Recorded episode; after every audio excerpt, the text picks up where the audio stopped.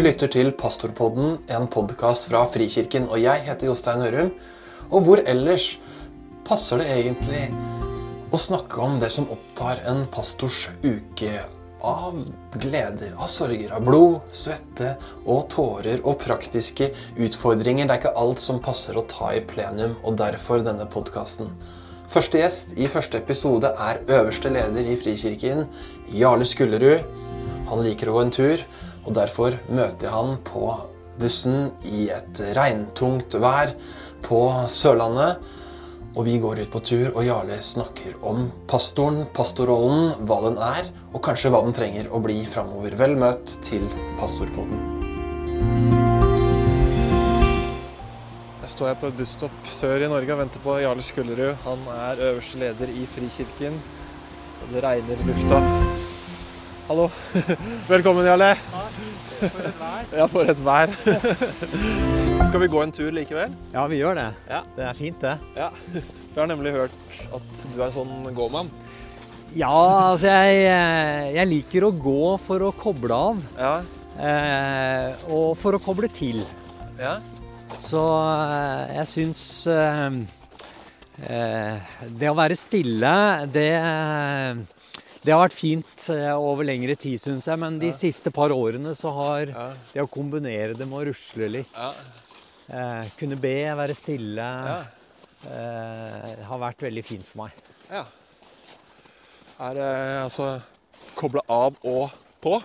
Det det? Ja, ja, fordi det handler liksom om å få legge fra seg ting. Når, når jeg går ute i naturen, så syns jeg det er lettere å, å koble vekk eller legge fra seg bekymringer og ting som skulle vært gjort eh, enten hjemme eller på jobb.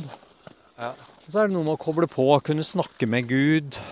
Reflektere over ting jeg kanskje har lest i Bibelen, eller, eller jeg har med meg en, en liten sånn pilegrimsbok. Okay. Eh, og kan lese noen tekster eller noen bønner. Ja. Eh, og så er det jo litt Noen ganger blir det en times tur, liksom, men andre ganger kan jeg gå et par dager Ja. med hengekøye. Og Ja.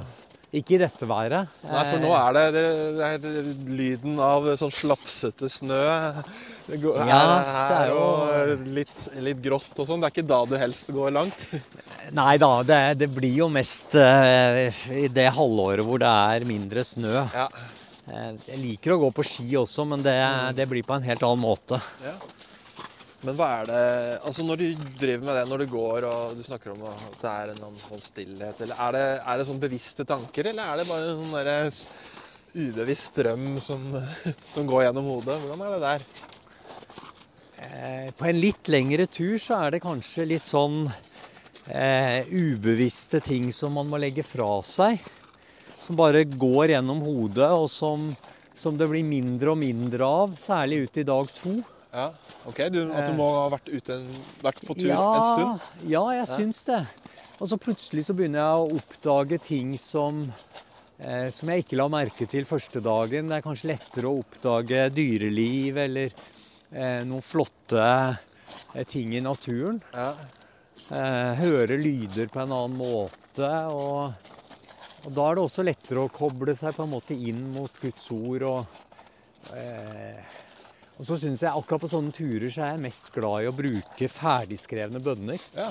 Ok. Slippe å tenke så mye på hva det er jeg vil be.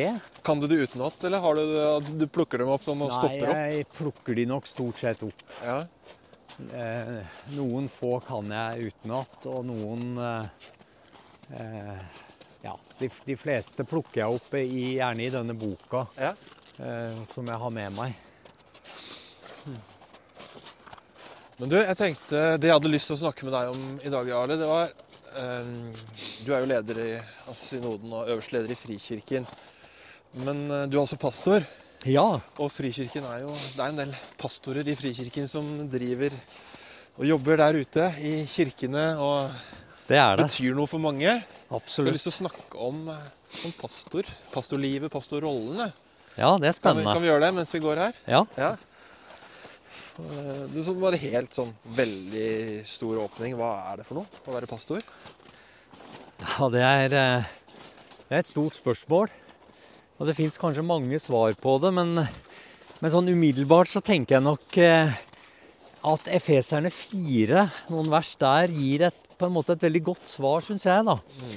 Der det står at det, å, det, å, ha en særskilt oppgave som, som, pastor, eller kall det hyrde eller lærer, om du vil, eh, det handler om å utruste menigheten til tjeneste, sånn at eh, menigheten eller Kristi kropp kan bygges opp. Ja. Eh, og så står det at det gjør vi fram til vi alle når fram til enheten i Jesus Kristus. Mm. Det synes jeg er litt sånn, det er kanskje litt sånn svulstig bilde i denne sammenheng, men, men jeg tror at en pastor først og fremst er kalt til å hjelpe andre kristne til å leve sitt kristenliv på en sånn måte at eh, evangeliet blir synlig og virker i og gjennom oss. Mm. Eh, slik at Kirken kan vokse og bli den enheten som, som Gud gjerne ville den skulle være. Ja. Du, jeg la merke til at du brukte altså For å forklare du, pastor, så sa du pastor eller hyrde eller lærer. Så du, er, det, er det liksom det samme? Akkurat det samme? Pastor, hyrde, lærer? Nei, det behøver det ikke å være. Eh, det er gjerne sånn at eh, i Frikirka så vektlegger vi det å ha en nådegavestyrt tjeneste. Ja. Eh, og det betyr jo at vi, at vi, tenker det er viktig å tjene ut fra de nådegavene man har. Mm. Og så kan en pastor et sted ha andre nådegaver enn et annet sted, og så blir tjenesten litt forskjellig. Ja. Men jeg tenker nok allikevel at eh, det å være pastor handler veldig mye om å se mennesker og bekrefte mennesker og å leve nært på mennesker på den ene sida. Og det å bli bekrefta av Gud og bli sett av Gud og leve nært på Gud på den andre sida. Midt imellom Gud og mennesker? På en, ja, på en måte. måte. Ja. Uten å bli en slags mellommann. Nei, for det er det en annen som er. Det er det en annen som er, ja. Men mange ganger så må vi hjelpe de troende, tror jeg, mm. eh, til å eh, finne ut av livet. Ja.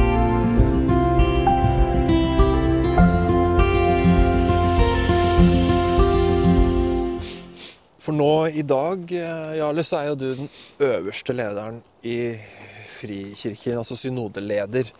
Eh, men du har en vei dit som er eh, Altså, du har vært pastor. Du er ja, også pastor, og absolutt. du har vært pastor i mange år. Og jeg tror det, det ligger en pastor inni deg. Ja, det tror jeg. Ja. Eh, og med min bakgrunn så har jo det sett litt forskjellig ut opp gjennom årene. Men, men jeg har nok alltid fra jeg var 16-17 eh, år tenkt at, eh, eh, at det er pastor, prest, misjonær jeg vil bli. Mm. Og som jeg vil være. Hva var det som altså, trakk deg i den retningen, da? Jeg tror det var Rent sånn menneskelig så tror jeg det var en del av de eh, ungdomsarbeiderne og de kristne lederne rundt meg når jeg var 12-16 år, som jeg så opp til, og som, og som så meg og bekrefta meg. Eh, og som gjorde at jeg ble interessert og tenkte at dette har jeg også lyst til å gjøre. Dette ser gøy ut, dette høres spennende ut. Eh, jeg har lyst til å bli som de. Ja. Eh, ja. Eh, bli som de fordi at Ja, fordi de eh, Jeg tror det var så enkelt som at jeg syntes de var kule, og de var, ja. Eh, de var flotte folk. Og jeg, mm. jeg, følte at de betydde en forskjell for meg, da. Ja. Og så var jeg imponert over hvor mye de kunne i Bibelen, og, ja. eh, og hvor flinke de var til å svare på ting som jeg lurte på. Mm. Eh, og så tenkte jeg en sånn en vil jeg være òg. Ja, det var et eller annet attraktivt med det? Ja, det var noe attraktivt med det. Det var det. Altså, da er vi, Når er vi i livet her, cirka? Hvor disse, ja, da er vi, bevisste eller ubevisst? Jeg vil tro det var en kombinasjon her. Ja. 14-15-16 år. Ja. ja. Mm. Siden har det holdt seg sånn, eller? Ja, det stramma seg litt til da jeg var 17 og var på en, eh, en eh, stor misjonskonferanse i Nederland. Og da opplevde jeg det som, som jeg har hørt en del snakke om, da, dette her med et veldig sånn tydelig indre kall. Eh, en sånn opplevelse av at, at Gud sa til meg, eller ga meg noen tanker om at eh, vil du Vil du gå inn i en heltidstjeneste for meg, Arle? Ja. Eh, og da husker jeg at jeg eh, som respons på de tankene, da, så sa jeg det til noen av vennene mine og til et par av lederne som var med oss på turen. Oi, her var det glatt. Her var det glatt. Eh, Skal ikke skylde at deg jeg for at du brekker bein her. Ja. Jeg vil følge Jesus, og jeg vil gå inn i en tjeneste for han. Men da var ikke det helt sånn lyn fra klar himmel? Det virker, da Nei, var du liksom det var mørna i, Ja. i noen år? Liksom, Ja. Forberedt og, og hadde allerede på en måte vært leder på barneleirer og, og ja, tatt ansvar. Starta skolelag på ungdomsskolen og, eh, og var nok en litt sånn Var ganske tydelig kristen i skolemiljøet og i miljøene jeg gikk i. Men så har jo dette da dette indre kallet på en måte blitt bekrefta opp gjennom årene ved, med et type ytre kall. Der eh, mennesker har sett meg og spurt, utfordra meg på ting. Alt fra den type lederskap som jeg nevnte, til seinere i livet å gå inn i stilling som ungdomsarbeider og senere pastor. Så det, du har hatt en sånn kombinasjon av noe inni deg som har forberedt, og ytre ting. da. Folk som har Ja. eh, Rart det der, hvordan det der ofte er sånn sammenfall mellom Ja. eh, Ja. det som det ligger er, inni, eh, får et eller annet sånn bekreftelse fra noen utenfor som ser det samme, kanskje. Ja. Jeg tenker det er en litt sånn bibelsk ting, dette også. Du ser, ser hvordan eh, mennesker blir kalt i, i Det nye testamentet. Så, så handler det ofte om en, en egen indre opplevelse. Ja. Eh, og noen mennesker som tar deg ut, eller sender deg til et sted. Ja. Hm. Så har det gått noen år da, siden du var i Nederland 17 år gammel og fikk ja. sånn tydelig Er det eh, så er, du, så er du her fortsatt. Ja, er pastor fortsatt et bra ord? Er det noe, altså Prest, pastor, hyrde, lærer Er det, er det det samme? Er det ordet det samme som det var for 17-åringen Jarle? Nei, det tror jeg ikke. Nei? Jeg tror nok det har forandra seg litt, og jeg tror nok også at jeg eh, eh, Altså, ord har vel egentlig aldri, aldri betydd så mye for meg i Nei. denne sammenheng. Nei. Altså hva, titler og for, det, for meg handler det nok mer om eh, å være en kristen medvandrer. Mm. Være en som, eh, som er eh, sårbar og åpen og mottagelig for å, for å lytte eh, og å dele. Mm. Eh, men, men jeg tror jo at det å være pastor i Norge i dag er, ser ganske annerledes ut enn det å være pastor på 80-tallet. Ja. Det er interessant. Ja. Ja, det, det, det vil vi snakke mer om. Eller det, det er litt nysgjerrig på hva du mener med det. Jeg tror, altså Det er jo stadig flere offentlige krav til et kirkesamfunn. Ja. Det er mer rapporteringer og eh, ulike inspirasjoner fra kirker og, og strømninger rundt i verden har liksom sendt oss ut i en sånn runddans av eh, kontemplative ting, stillhet og søken i det åndelige, til eh, planer og strategier, til altså ulike ting. Og så skal man liksom sjonglere dette. Og så opplever jeg at kanskje har vi i Vesten også jeg, jeg tror vi er en del av det sjøl. At vi liksom har opplært hverandre til at det å være kirke handler om å eh, tilby en bra gudstjeneste hver søndag. Ja. Eh, og så er kravene store. Og eh, når en pastor gikk på prekestolen eh, i en menighet på 80-tallet, så, så hørte forsamlinga gjerne alltid noe nytt. Ja. Eh, mens i dag så Nå har de hørt det på YouTube? i dag har de hørt det på YouTube, eller de har hørt, de har hørt talen som inspirerte pastoren. Har de sjøl hørt to dager på forhånd eller tre uker på forhånd. Og så ble pastoren inspirert og vil bruke noe av det samme, og så tenker de ja, det hørte han fra han og han. Ja. Men så Det går an å tenke her i det du snakker om nå, utviklingen av pastorrollen. da, At uh, alle disse, altså Enten det er strukturer rundt oss, eller om det er impulser utenfor oss som vi har ganske lett tilgang på. Ja. Som kommer på uh, Det er så mange fantastiske måter det kan komme til oss på. Ja. Mm. Det går jo an å tenke at det er en gave, Ja. og så går det an å tenke at det er en byrde. Ja. Ja. ja, og kanskje er det i hvert fall med på å utfordre pastorene i å tenke nytt om hvem de er, og hva som er deres viktigste bidrag. da. Eh, Og kanskje er ikke det nødvendigvis å holde den den mest spennende prekenen eh, hver søndag. Nei. Eh, men kanskje heller å eh, Selvfølgelig vitne om hva Jesus betyr for de gjennom en, en, en tale, og, og, legge ut Bibelen for, for, menigheten. Men også å være med å hjelpe menigheten til å navigere i alle disse podkastene som finnes der ute. Eller hvilke mm. bøker skal man lese, og hva, hva er bra å lytte på? Og, mm. og, være med å samtale om de tingene som, som er med og preger oss. Og så tror jeg også at en pastor i dag eh, må regne med å bruke mer tid på enkeltmennesker. Ja. Eh, ha tid til å bygge relasjoner og til å investere i enkeltmenneskers liv. Mm. Jeg tror at pastorene i framtida må bruke mindre tid på plattformen. Ja. Eh, og mer tid eh, nede i kirkebenkene eller rundt i hjemmene mm. eller på tur ute i naturen. Um, er det litt sånn uh, framtidas pastorrolle i det frikirkelige Norge du snakker om her nå? Ja, jeg, jeg tror det. Ja. Og jeg, jeg, tenker også at uh, framtida for pastorene i Frikirka og i det frikirkelige Norge tror jeg handler fort mer om deltidsjobber. Mm. Flere deltidspastorer som kombinerer det med et annet yrke.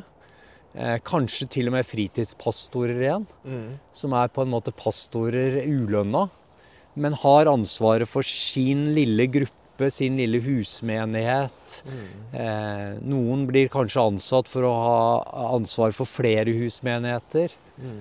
Eh. For Når du snakker om det her, så dette er jo sånn at Man kunne hørt dette som et sånn, litt sånn defensivt signal om at nei, nå får vi ikke eh, fulltidstjenester. Ja, ja. Så nå må vi på en måte tenke med de smulene vi har igjen. Hva gjør ja. med de? Men når du snakker om det, høres det ut som dette er noe sånn dynamisk offensivt.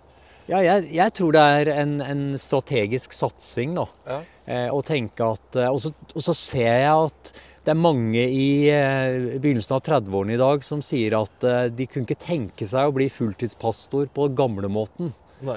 Men de har lyst til å være i næringslivet, eller de har lyst til å undervise på en skole, eller de har lyst til å eh, være entreprenører og, og, finne opp ting, eh, utforske nye ting. Men så har de også lyst til å være pastor.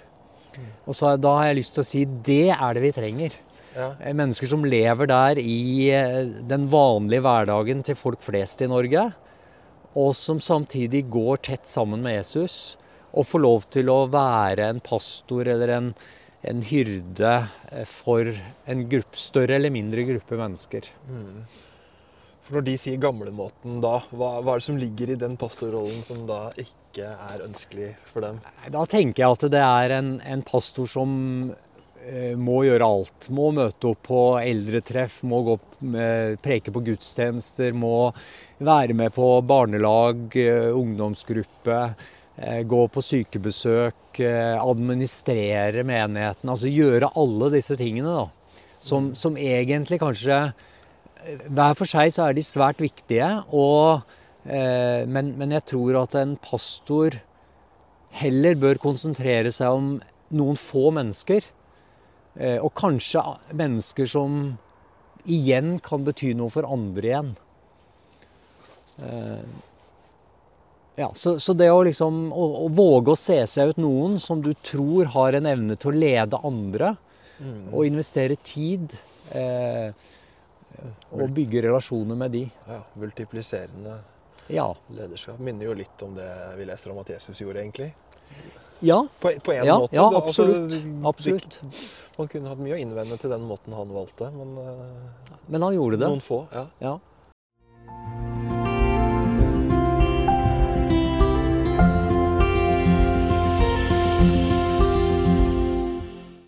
Aner jeg en liten sånn revolusjon av pastortjenesten som ligger i det du snakker om, eller?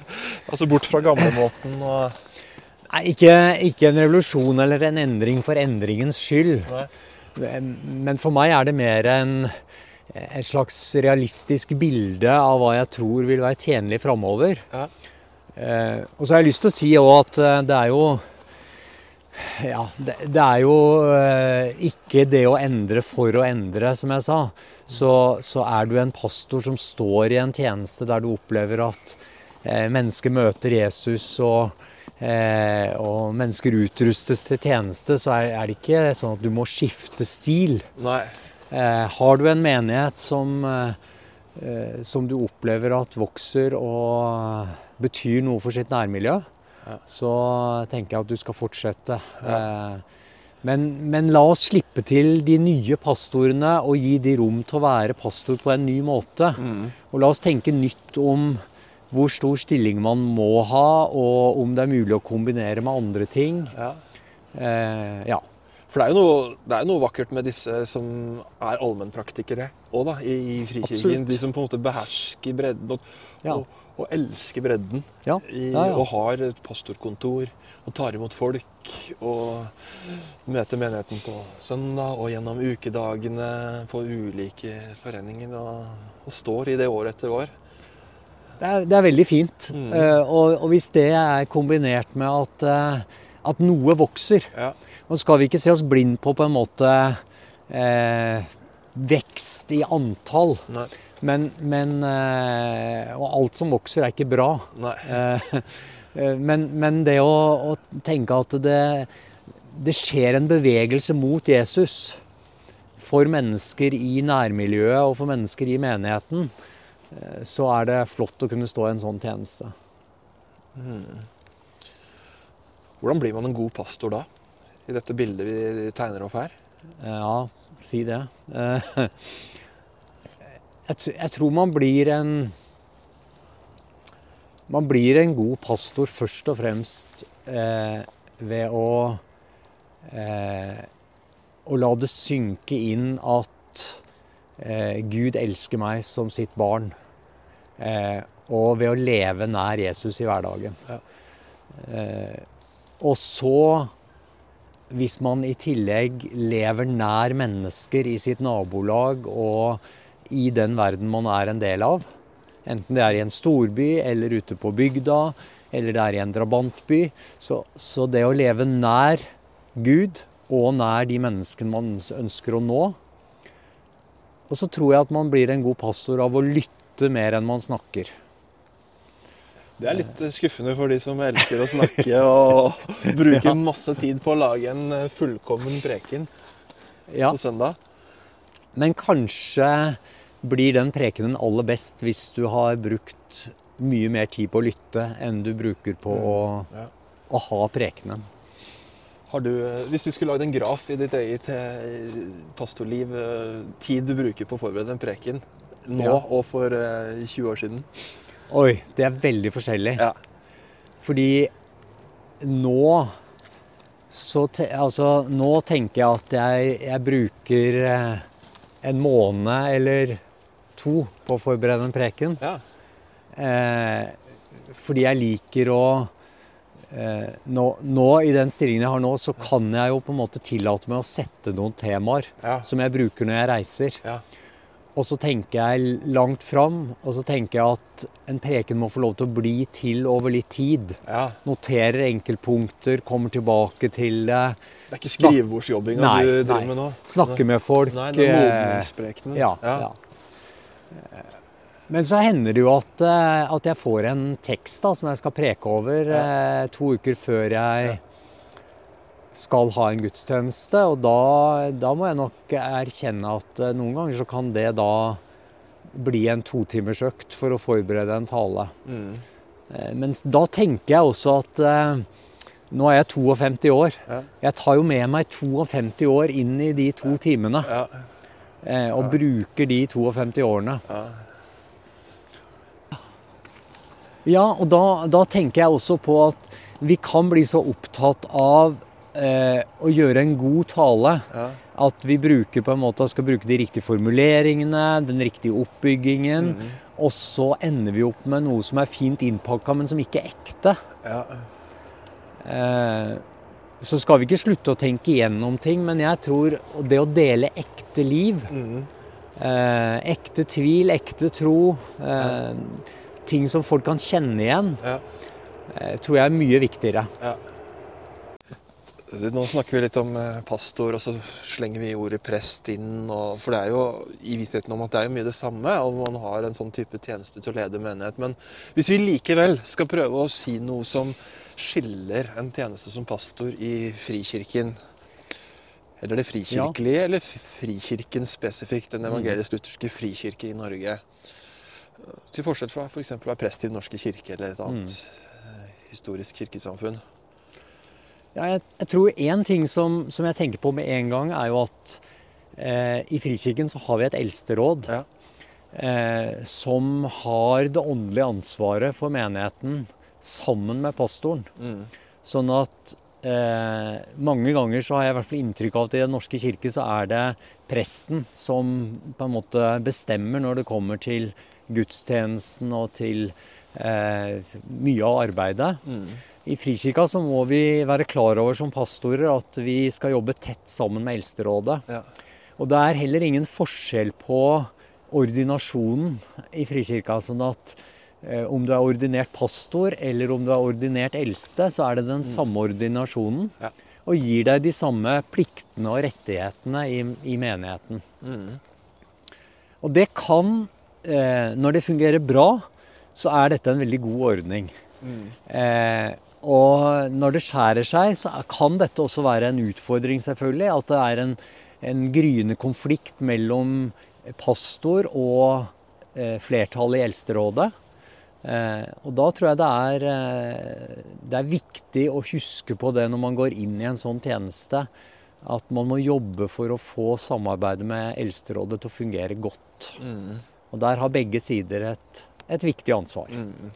Det er jo også et slags eh, gave i det. det ikke, ikke, måtte bære det der lasset aleine eller dra lokomotiv, eller dra ja. togsettet, liksom. Absolutt. Og det, det, betyr jo at du eh, både i praktiske ting, eh, men også når, det skjer ting i menigheten, så, så har du noen å lene deg på. Og, og man kan være gjensidig avhengig av hverandre mm. på en veldig god måte. Mm. Mm. Så det er jo det mer sånn uh,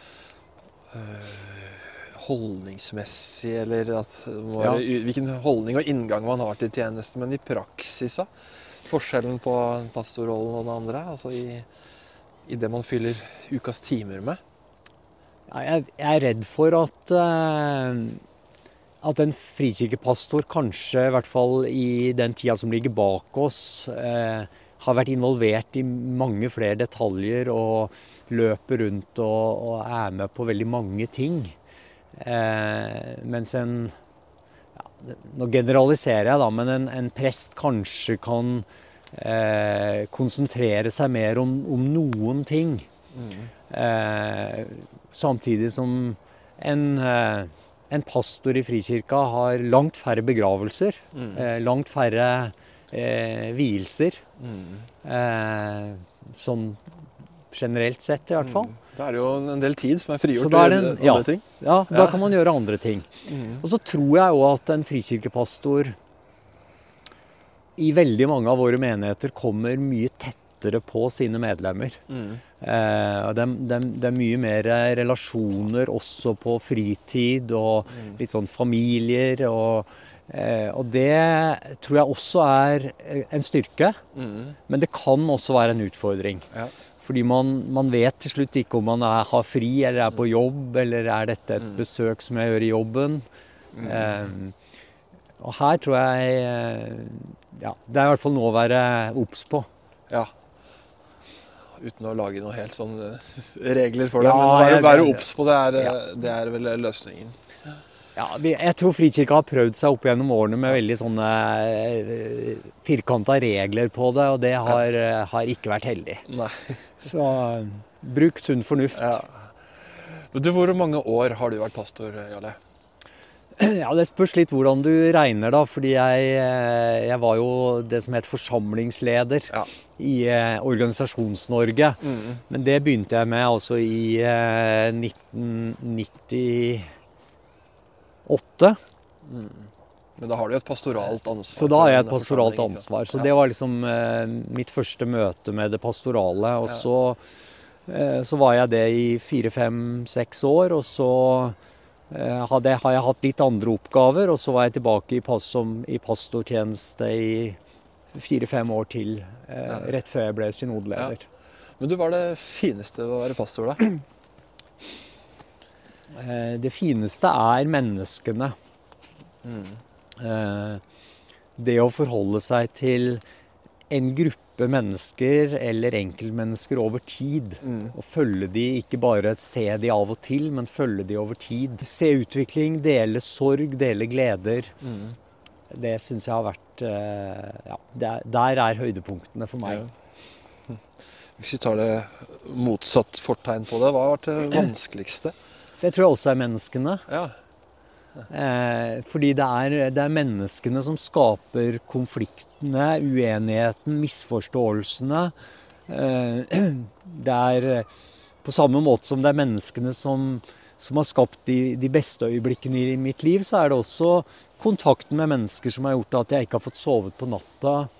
Eh, og som, eh, som egentlig bare ser kanskje ting fra en litt annen side enn jeg gjør. Og så, og så blir det uenighet som kan bli en konflikt. Eh, og så føler jeg at jeg må, kanskje har måttet ha brukt mye tid på å rydde opp. da. ja. Forklare og eh, gå ekstrarunder med mennesker som jeg ikke er noe god på. Ja, ok. Men er det, har det vært vanskelig å ta vare på deg selv i disse pastorårene? Eh, vanskelig har det vært. Det ville være dumt å si noe annet når eh, sikkert mange har lest at jeg har slitt litt eh, i perioder. Men, eh, men det har ikke vært umulig. Det har, vært, eh, det har vært utfordrende å finne balansen mellom familieliv og tjeneste. Mm. Eh, men, men i det store og det hele så syns jeg at ikke minst Frikirka har vært en god arbeidsgiver. Men eh, ja, hva er, det, hva er det viktigste, da? Å Med å ta vare på seg selv. ja, så går det an å oppsummere litt erfaringene på det?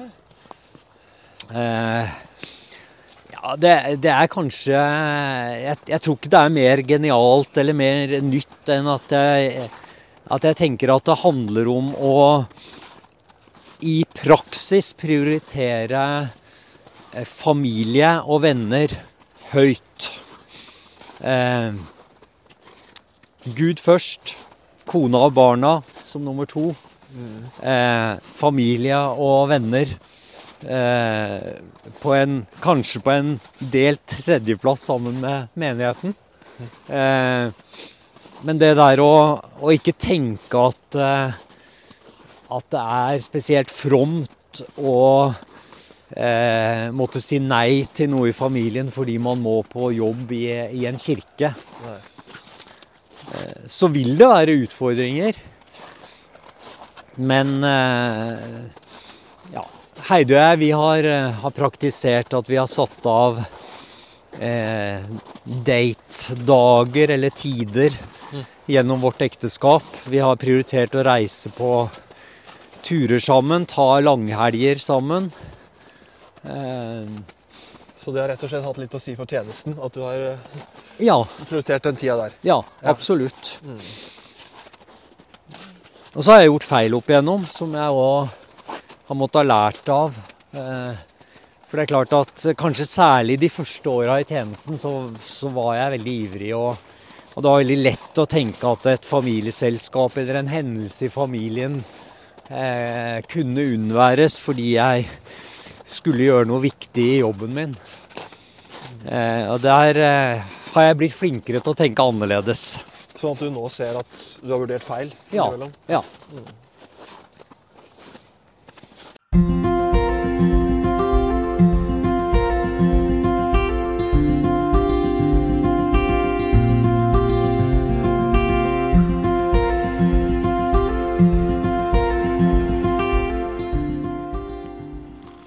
Nå, 52 år gamle Jarle, har du, er det noe du med det du har opplevd og sett av livet så langt, skulle ønske at Er det et råd du skulle ønske noen ga deg Mm. da du var på vei inn i pastortjeneste? Eller når du var 17 år og hadde den sterke opplevelsen, for den saks skyld? ja.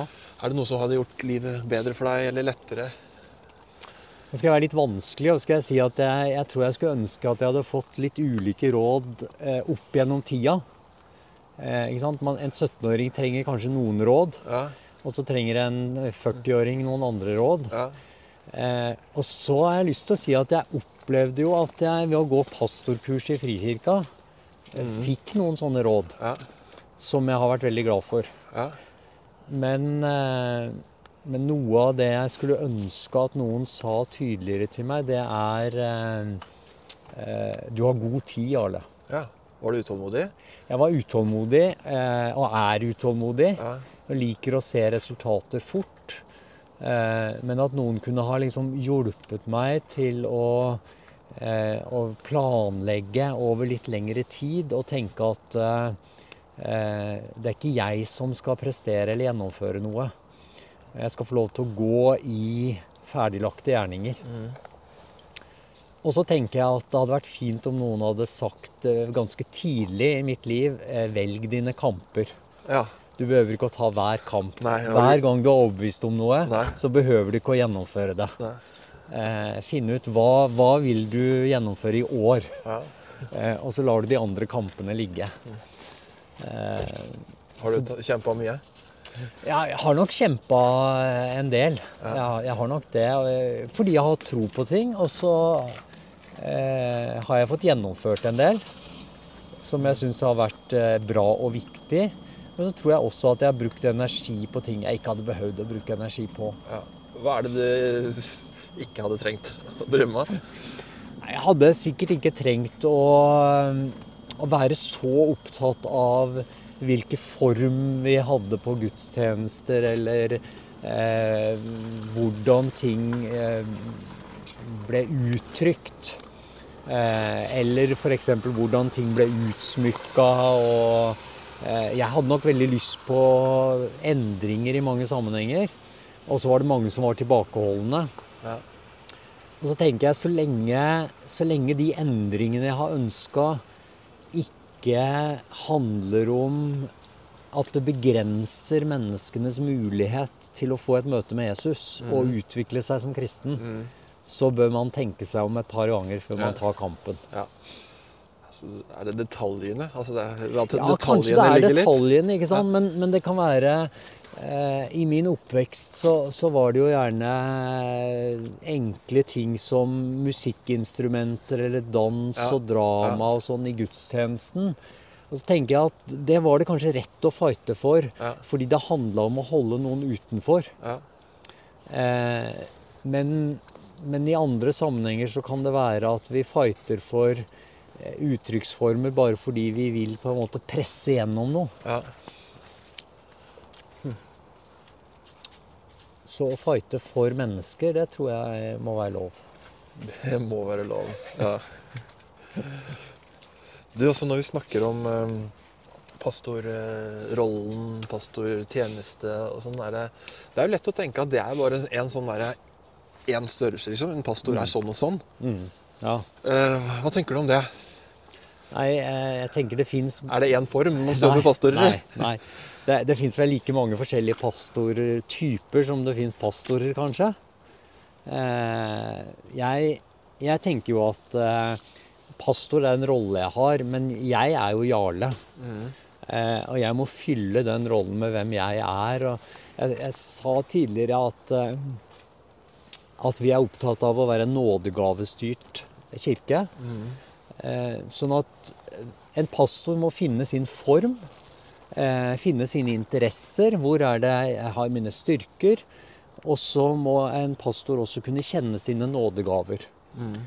Og da kan det være at noen pastorer skal bruke mer tid på å forkynne Guds ord fra en talerstol, eller undervise, eller ha smågrupper å undervise, mens andre skal kanskje være mer oppsøkende i nærmiljøet. Eh, være mer evangelister og, og møte mennesker med behov. Eh, og noen skal kanskje utruste andre kristne til å gjøre det de er best på. Så vi må få lov til å være forskjellige. og Det er jo det fine også, at, at Gud bruker de ulike styrkene våre. Eh, og jeg tror at hvis du har et kall til å bygge menighet, til å eh, dele Guds ord med mennesker, til å eh, gjøre disipler, Mm. eh, så tror jeg at du finner din måte å gjøre det på. Og det er eh, Jeg tenker det er absolutt verdt det. Ja. For du sier nå at kanskje noen skal preke, noen skal drive med smågrupper, noen skal være, ta den Ja. enkelte, og så kanskje noen skal gjøre ting vi ikke har tenkt på ennå. Absolutt. Ikke som, Absolutt. som man ikke tenkte at det kunne Kirken drive med ennå. Ja, det tror jeg. Det tror jeg. Vi går eh, mot slutten av turen vår her, Jarle. Her vi går i litt regn og litt is og slaps og sånn, men det er fint likevel å gå. Ja. Og så snakker vi om eh, pastorer og pastorliv og Har det vært verdt det? Ja, Pastorlivet ditt? ja, Ja. det har det. Ja. Eh, det har ikke vært bare lett. Nei? Eh, men eh, jeg, jeg vet ikke om jeg Jeg vet ikke om jeg kan si liksom at jeg, eh, jeg ville ikke ha valgt annerledes om jeg skulle ha valgt på nytt eller sånn. Det kan godt hende at jeg eh, At jeg kunne ha gjort på en måte litt andre valg i forhold til tjeneste, men, men jeg jeg tenker at det å Det å få lov til å møte mennesker der de er eh, i livet, eh, og, og få lov til å Kanskje få lov til å gi dem et glimt av Jesus eh, midt i deres livssituasjon. Eh, og i alle fall få lov til å hjelpe dem et steg videre i en eller annen riktig retning. Mm. Det, det har vært verdifullt. Og det har på en måte blitt en slags jeg tror det har blitt en slags visjon for livet mitt som jeg først i senere tid har formulert. da. At jeg eh, At jeg opplever tjenesten meningsfullt når jeg får lov til å møte mennesker der de er. Ja. Eh, og får lov til å hjelpe de et steg videre i riktig retning. Eh, og får lov til å gå sammen med de eh, og se endring Mm. til noe bedre, til noe positivt. Mm. Eh, og det opplever jeg virkelig at Nå holdt jeg på dette. Ja. det, det opplever jeg virkelig at jeg har fått lov til å være med på. Eh, Mm. på ulike måter gjennom livet. Men trenger vi pastorer fortsatt? Ja, Ja. det gjør vi. Ja. Eh, alle slags typer pastorer. Ja. Eh, og eh, Frikirka trenger det, og andre kirkesamfunn eh, trenger prester og pastorer. Men det kommer kanskje til å se enda mer ulikt ut fra menighet til menighet og pastor til pastor enn det har gjort tidligere. Ja. For det som er sikkert, selv om altså, man vet jo at samfunnet endrer seg hele tiden, det vil aldri slutte å gjøre. Og, men du har jo stadig i denne samtalen på denne turen vår kommet tilbake til altså menneskene og det å gå tett på mennesker og lede og følge mennesker. Og det vet vi vel nokså sikkert om uh, framtida, at menneskene vil være der og fortsette å komme. og Ja, det, Der trenger vi pastorene. det vil de jo. Og så og så ser jeg jo at avisene skriver at psykologene er vår tids prester, Ja. eller pastorer. Ja. Eh, og det tror jeg de på mange måter har rett i. Men det tror jeg vi skal ta som en utfordring, fordi eh, jeg har jo sjøl gått til psykolog eh, fordi jeg trenger det for min psykiske helse. Ja. Så jeg er veldig glad for at vi har det. Men, men jeg tror at eh, vi må ikke havne et sted der vi psykologiserer eh, enhver utfordring i livet og sykeliggjør ting som ikke er sykelige, men som er en del av livets opp- og nedturer. Og der trenger vi pastoren. Der trenger vi enkeltmennesker som er villige til å, å dele liv. Det er det vi gjør. Det gjør vi. Ja. Takk for praten, Jarle Skullerud. Takk.